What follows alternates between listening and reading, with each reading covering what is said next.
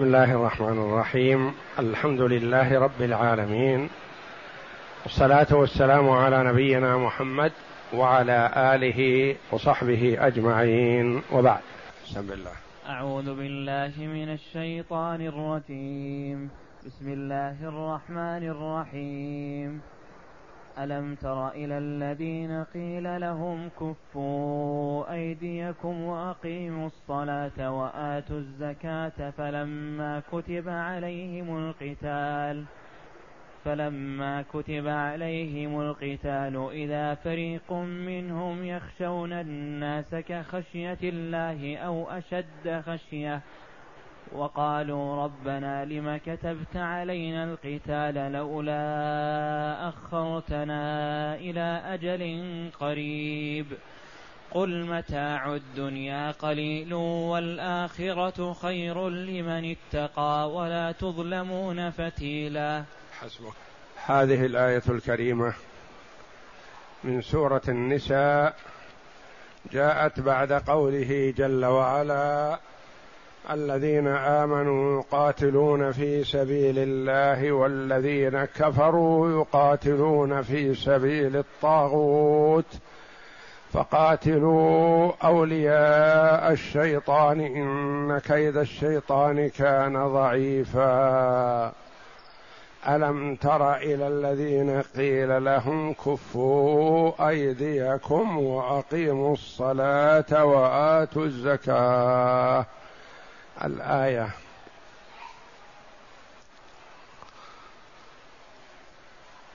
هذه الآية الكريمة. قال بعض المفسرين رحمهم الله أن بعض الصحابة رضي الله عنهم وأرضاهم حينما كانوا بمكة جاءوا إلى النبي صلى الله عليه وسلم فقالوا يا رسول الله لما كنا على الشرك ونحن أعزة.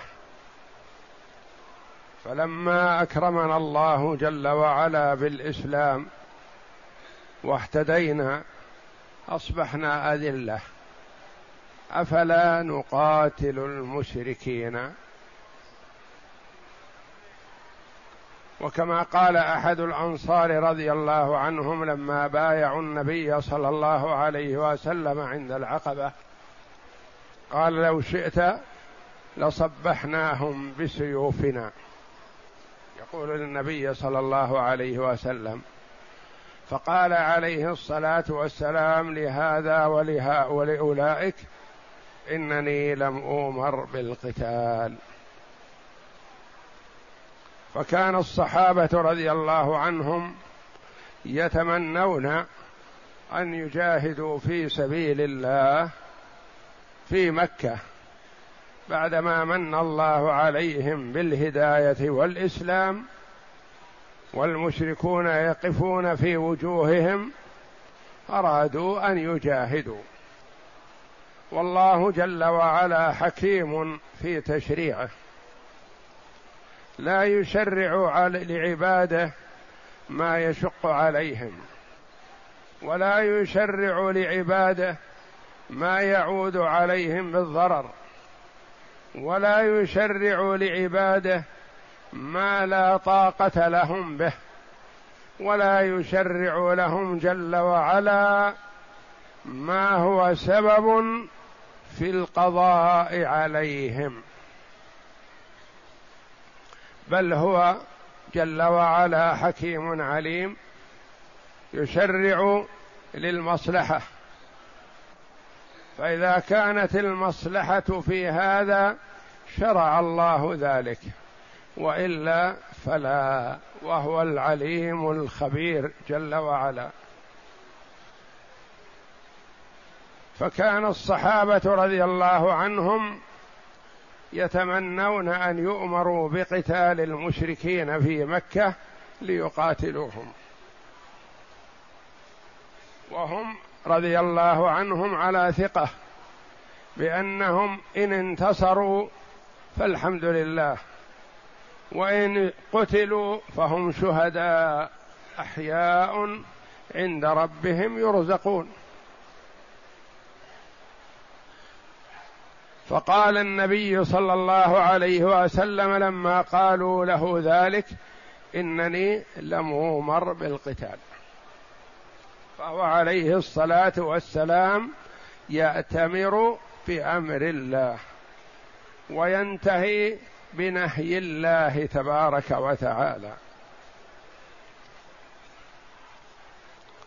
فلما هاجر النبي صلى الله عليه وسلم من مكة إلى المدينة وأصبحت المدينة دارا للمسلمين ولهم فيها منعة ولهم فيها أنصار شرع الله جل وعلا لهم الجهاد في سبيله. فخرج النبي صلى الله عليه وسلم في أول غزوة غزوة تبوك غزوة آه، بدر العظمى فأيد الله جل وعلا رسوله ونصره مع قلة عدد المسلمين وكثرة عدوهم ومع قلة عتادهم وعدتهم وكثرة عدة وعتاد المشركين لأن النصر بيد الله جل وعلا. إلا أن بعض الناس لما شرع الله جل وعلا القتال والجهاد في سبيله صار عندهم شيء من التردد والخوف من المشركين. ومن هؤلاء؟ قيل هؤلاء من المنافقين. المنافقون الذين أسلموا قبل أن يؤمر النبي صلى الله عليه وسلم بالجهاد. اظهروا الإسلام. فلما أمر صلى الله عليه وسلم بالجهاد تخوفوا. وتمنوا أن لم يفرض. ورأوا أن في هذا إزهاق للنفوس واستعجال للموت فتثبطوا وثبطوا غيرهم.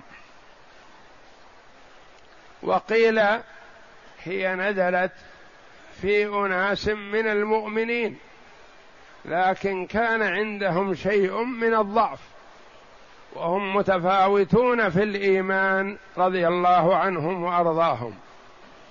فكانوا يتمنون أن يؤمروا بالجهاد فلما أمروا به رأوا أن في هذا مشقة عليهم وتمنوا أن لو أخر الفرض الجهاد عليهم.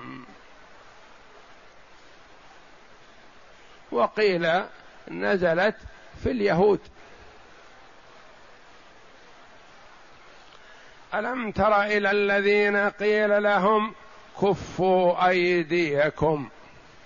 على القول الأول أنهم أرادوا القتال في مكة فقيل لهم كفوا أيديكم انتظروا. لا تقاتلوا الآن لأنهم لو قاتلوا لكان عددهم قليل. وأعداؤهم كثير. والدار والمنعة للكفار. فيخشى أن يكون في قتالهم هذا قضاء على الإسلام والمسلمين. فالله حكيم عليم أمرهم بأن يكفوا أيديهم. قيل لهم كفوا أيديكم وأقيموا الصلاة وآتوا الزكاة. أقيموا الصلاة. ما قال جل وعلا أدوا الصلاة أو صلوا أقيموا. فالإقامة شيء والأداء شيء آخر. الإقامة أمكن. يعني أد الصلاة قائمة لا نقص فيها ولا خلل. أقيموا الصلاة. دل هذا على أهمية الصلاة وأنها أوجب الواجبات بعد شهادة أن لا إله إلا الله وأن محمدا رسول الله. وأنها كانت أول الفرائض بعد الشهادتين لأنها فرضت والنبي صلى الله عليه وسلم بمكة قبل الهجرة. وأما بقية الشرائع فإنها فرضت في المدينة بعدما هاجر النبي صلى الله عليه وسلم. أقيموا الصلاة وآتوا الزكاة. ما المراد بهذه الزكاة؟ هذه مواساة الفقراء. ساعدوا فقراءكم. اعطفوا عليهم. اعطوهم مما اعطاكم الله. وليست هذه هي الزكاة الواجبة لأن الزكاة الواجبة المقدرة هذه فرضت في المدينة. لم تكن مفروضة في مكة. وإنما هذه الصدقة والزكاة والمواساة للفقراء والمحتاجين من المسلمين. وآتوا الزكاة يعني قيل لهم لما طلبوا أن يجاهدوا قيل لهم لا تقاتلوا وإنما أقيموا الصلاة وآتوا الزكاة. فلما كتب عليهم القتال في آيات السيف كما يعبر المفسرون رحمهم الله. يقولون في الآيات التي فيها إمهال الكفار وعدم قتالهم يقولون هذه منسوخة بآية السيف. ما هي آية السيف؟ ليست آية واحدة وإنما هي, آيات. يعني آيات الأمر بالقتال. مثل قاتلوا الذي يا أيها الذين آمنوا قاتلوا الذين يلونكم من الكفار وليجدوا فيكم غلظة. وغيرها من الآيات كثير في الأمر بقتال الكفار. فلما كتب عليهم القتال يعني فرض عليهم كما قال الله جل وعلا كتب عليكم القتال وهو كره لكم وعسى أن تكرهوا شيئا وهو خير لكم. وعسى أن تحبوا شيئا وهو شر لكم. فلما كتب عليهم القتال وكتب بمعنى فرض إذا فريق منهم ليس كلهم إذا فريق منهم بعضهم يخشون الناس كخشية الله أو أشد خشية. يخشون بمعنى يخافون. يعني يخافون من القتل. يخافون من قتل الكفار لهم. يخشون الناس كخشية الله أو أشد خشية. أو هذه يسميها العلماء أو للتنويع. وقال بعضهم هي بمعنى الواو العاطفة. يخشون الناس يخشون الناس كخشية الله وأشد خشية. يصح.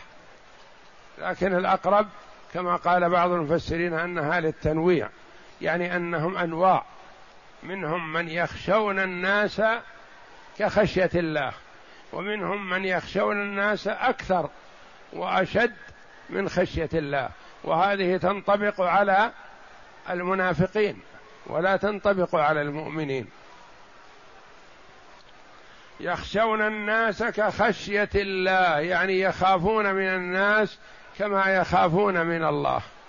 أو أكثر أو أشد يخافون الناس أكثر من خشيتهم لله.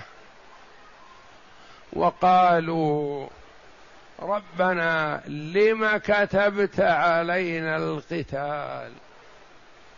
لما فرضته علينا؟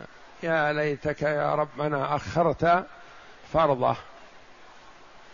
لم كتبت علينا القتال لولا أخرتنا إلى أجل قريب. لولا بمعنى هلا هل لا تأخر فرض القتال؟ يا ليته تأخر فرض القتال. لولا أخرتنا إلى أجل قريب يعني إلى وقت ولو قريب لو أمهلتنا أو أنظرتنا مدة ولو ليست بطويلة. إنهم من قال حتى نقوى أو لئلا نقع في القتل يقتلنا المشركون نود أن نموت على فرشنا. لو أخرتنا إلى أجل قريب. قال الله جل وعلا لعبده ورسوله محمد صلى الله عليه وسلم قل لهم قل لهؤلاء الذين كانوا يتمنون فرض القتال فلما فرض صار عندهم شيء من التأخر يريدون الاستمتاع بالحياة الدنيا.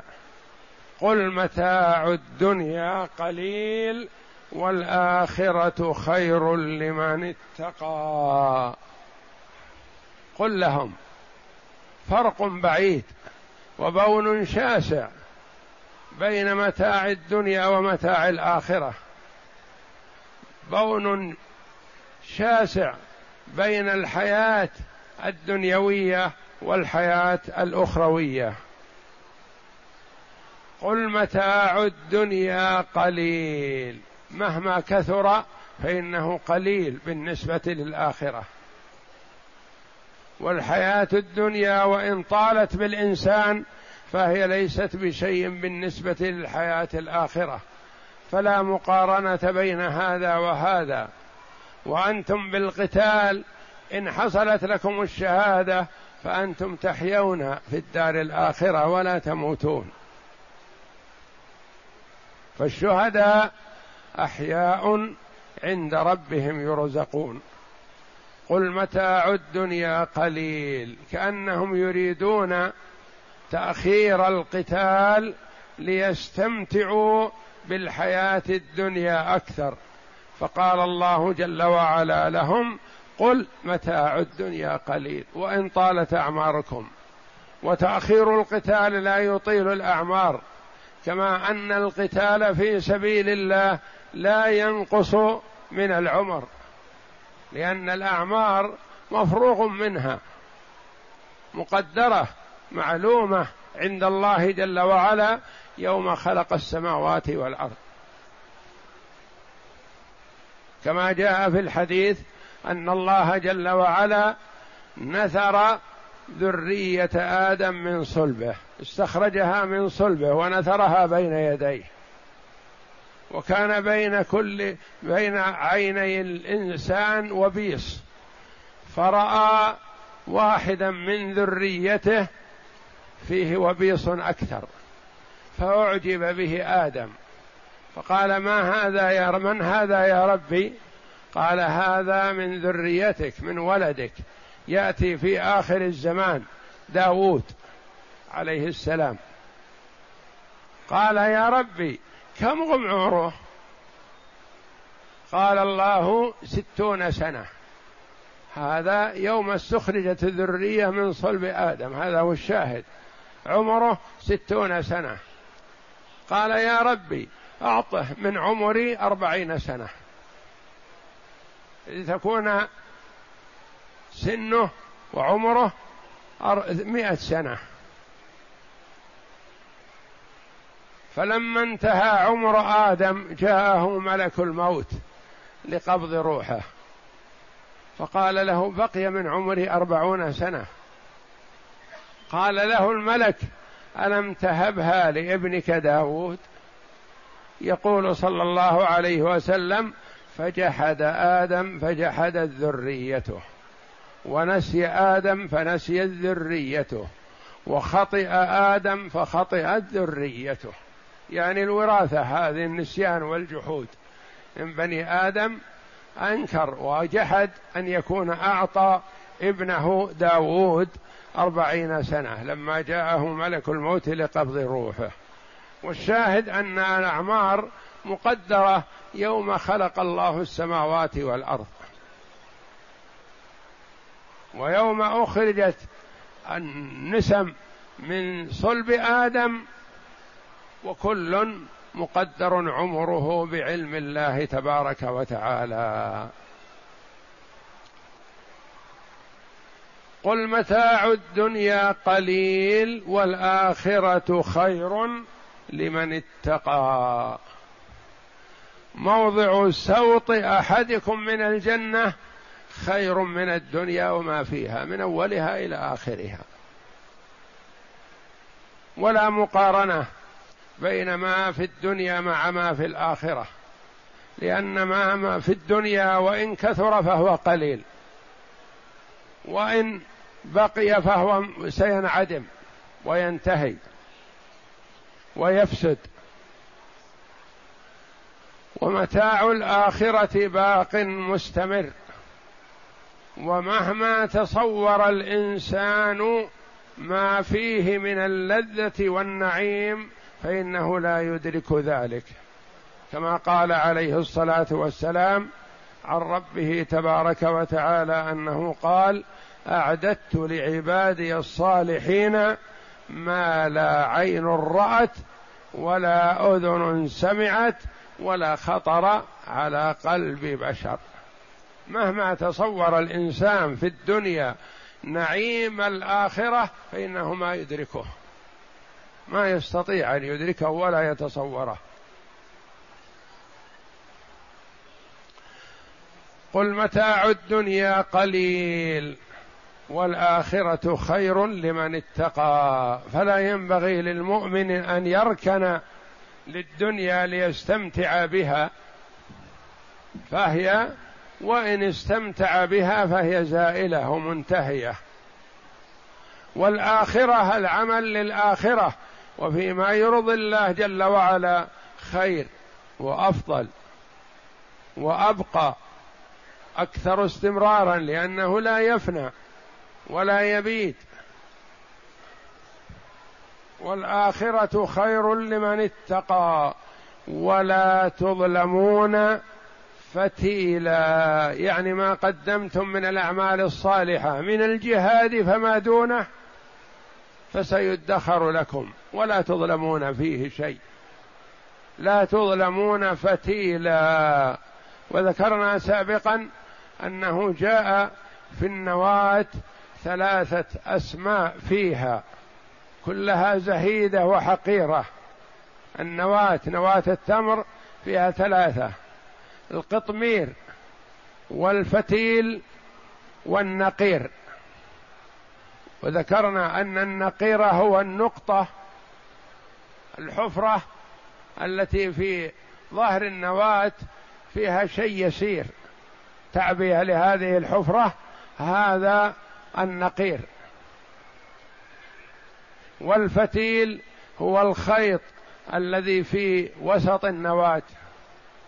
في وجهها. والقطمير هو اللفافة التي على ظهر النواة. وكلها تذكر على سبيل التحقير والتقليل وأنها شيء يسير. يعني لا يظلم الإنسان مقدار الفتيل بأن ينقص من حسناته. ولا يظلم بأن يزاد في سيئاته بل لا ينقص من حسناته شيء ولا يزاد في سيئاته شيء وإنما تزاد الحسنات ويعفى بإذن الله جل وعلا عن السيئات والكثير منها. وفي هذه الآية إذا كان المراد المنافقون فذلك ذم لهم وتوبيخ. ولوم لهم. وإذا كان في حق المؤمنين فهو عتاب للمؤمنين وحث لهم على تقوية الإيمان والرغبة فيما عند الله جل وعلا وعدم الركون إلى الدنيا. كان المؤمنون في ابتداء الإسلام وهم بمكة مأمورين بالصلاة والزكاة وكانوا مأمورين بمواساة الفقراء منهم وكان يعني مواساة وليست زكاة المعلومة بالأنصبة والمقادير المعلومة هذه ما فرضت إلا في المدينة. وكانوا مأمورين بالصفح والعفو عن المشركين والصبر إلى حين. فمهل الكافرين أمهلهم رويدا العفو والأمر بالصفح والتجاوز لأنهم لا طاقة للمسلمين بالقتال وإن تحمس بعضهم ورغب في ذلك. وكانوا يتحرقون ويودون أن لو أمروا بالقتال ليشتفوا من أعدائهم ولم يكن الحال إذ ذاك مناسبا لأسباب كثيرة منها قلة عددهم بالنسبة إلى كثرة عدد عدوهم ومنها كونهم كانوا في في بلادهم وهو بلد حرام وهو أشرف بقاع الأرض فلم يكن الأمر بالقتال فيه ابتداء كما يقول كما فلم يكن الأمر بالقتال فيه ابتداء كما يقال. فلهذا لم يؤمر يؤمر بالجهاد إلا بالمدينة لما صارت لهم دار ومنعة وأنصار. ومع هذا لما أمروا بما كانوا يؤدونه جزع بعضهم منه وخافوا من مواجهة الناس خوفا شديدا. قال تعالى وقالوا ربنا لم كتبت علينا القتال لولا أخرتنا إلى أجل قريب. أي لولا أخرت فرضه إلى مدة أخرى فإن فيه سفك الدماء ويتم الأولاد وتيأم النساء. وهذا وهذه الآية كقوله تعالى ويقول الذين آمنوا لولا أنزلت سورة فإذا أنزلت سورة محكمة وذكر فيها القتال. وعن عكرمة عن ابن عباس رضي الله عنهما أن عبد الرحمن بن عوف رضي الله عنه وأصحابا له أتوا النبي صلى الله, صلى الله عليه وسلم بمكة فقالوا يا نبي الله كنا في عزة ونحن مشركون فلما آمنا صرنا أذلة قال إني أمرت بالعفو فلا تقاتلوا القوم. فلما حوله الله إلى المدينة أمره بالقتال فكفوا فأنزل الله فيهم ألم تر إلى الذين قيل لهم كفوا أيديكم الآية؟ وقال السدي لم يكن عليهم إلا الصلاة, إلا الصلاة والزكاة فسألوا الله أن يفرض عليهم القتال فلما فرض عليهم القتال إذا فريق منهم يخشون الناس كخشية الله أو أشد خشية. وقالوا ربنا لما كتبت علينا القتال لولا أخرتنا إلى أجل قريب وهو الموت. قال الله تعالى قل متاع الدنيا قليل والآخرة خير لمن اتقى أي آخرة المتقي خير من دنيا. ولا تظلمون فتيلا أي من أعمالكم بل توفونها أتم, أتم الجزاء. والله أعلم وصلى الله وسلم وبارك على عبد ورسول نبينا محمد. وعلى آله وصحبه أجمعين.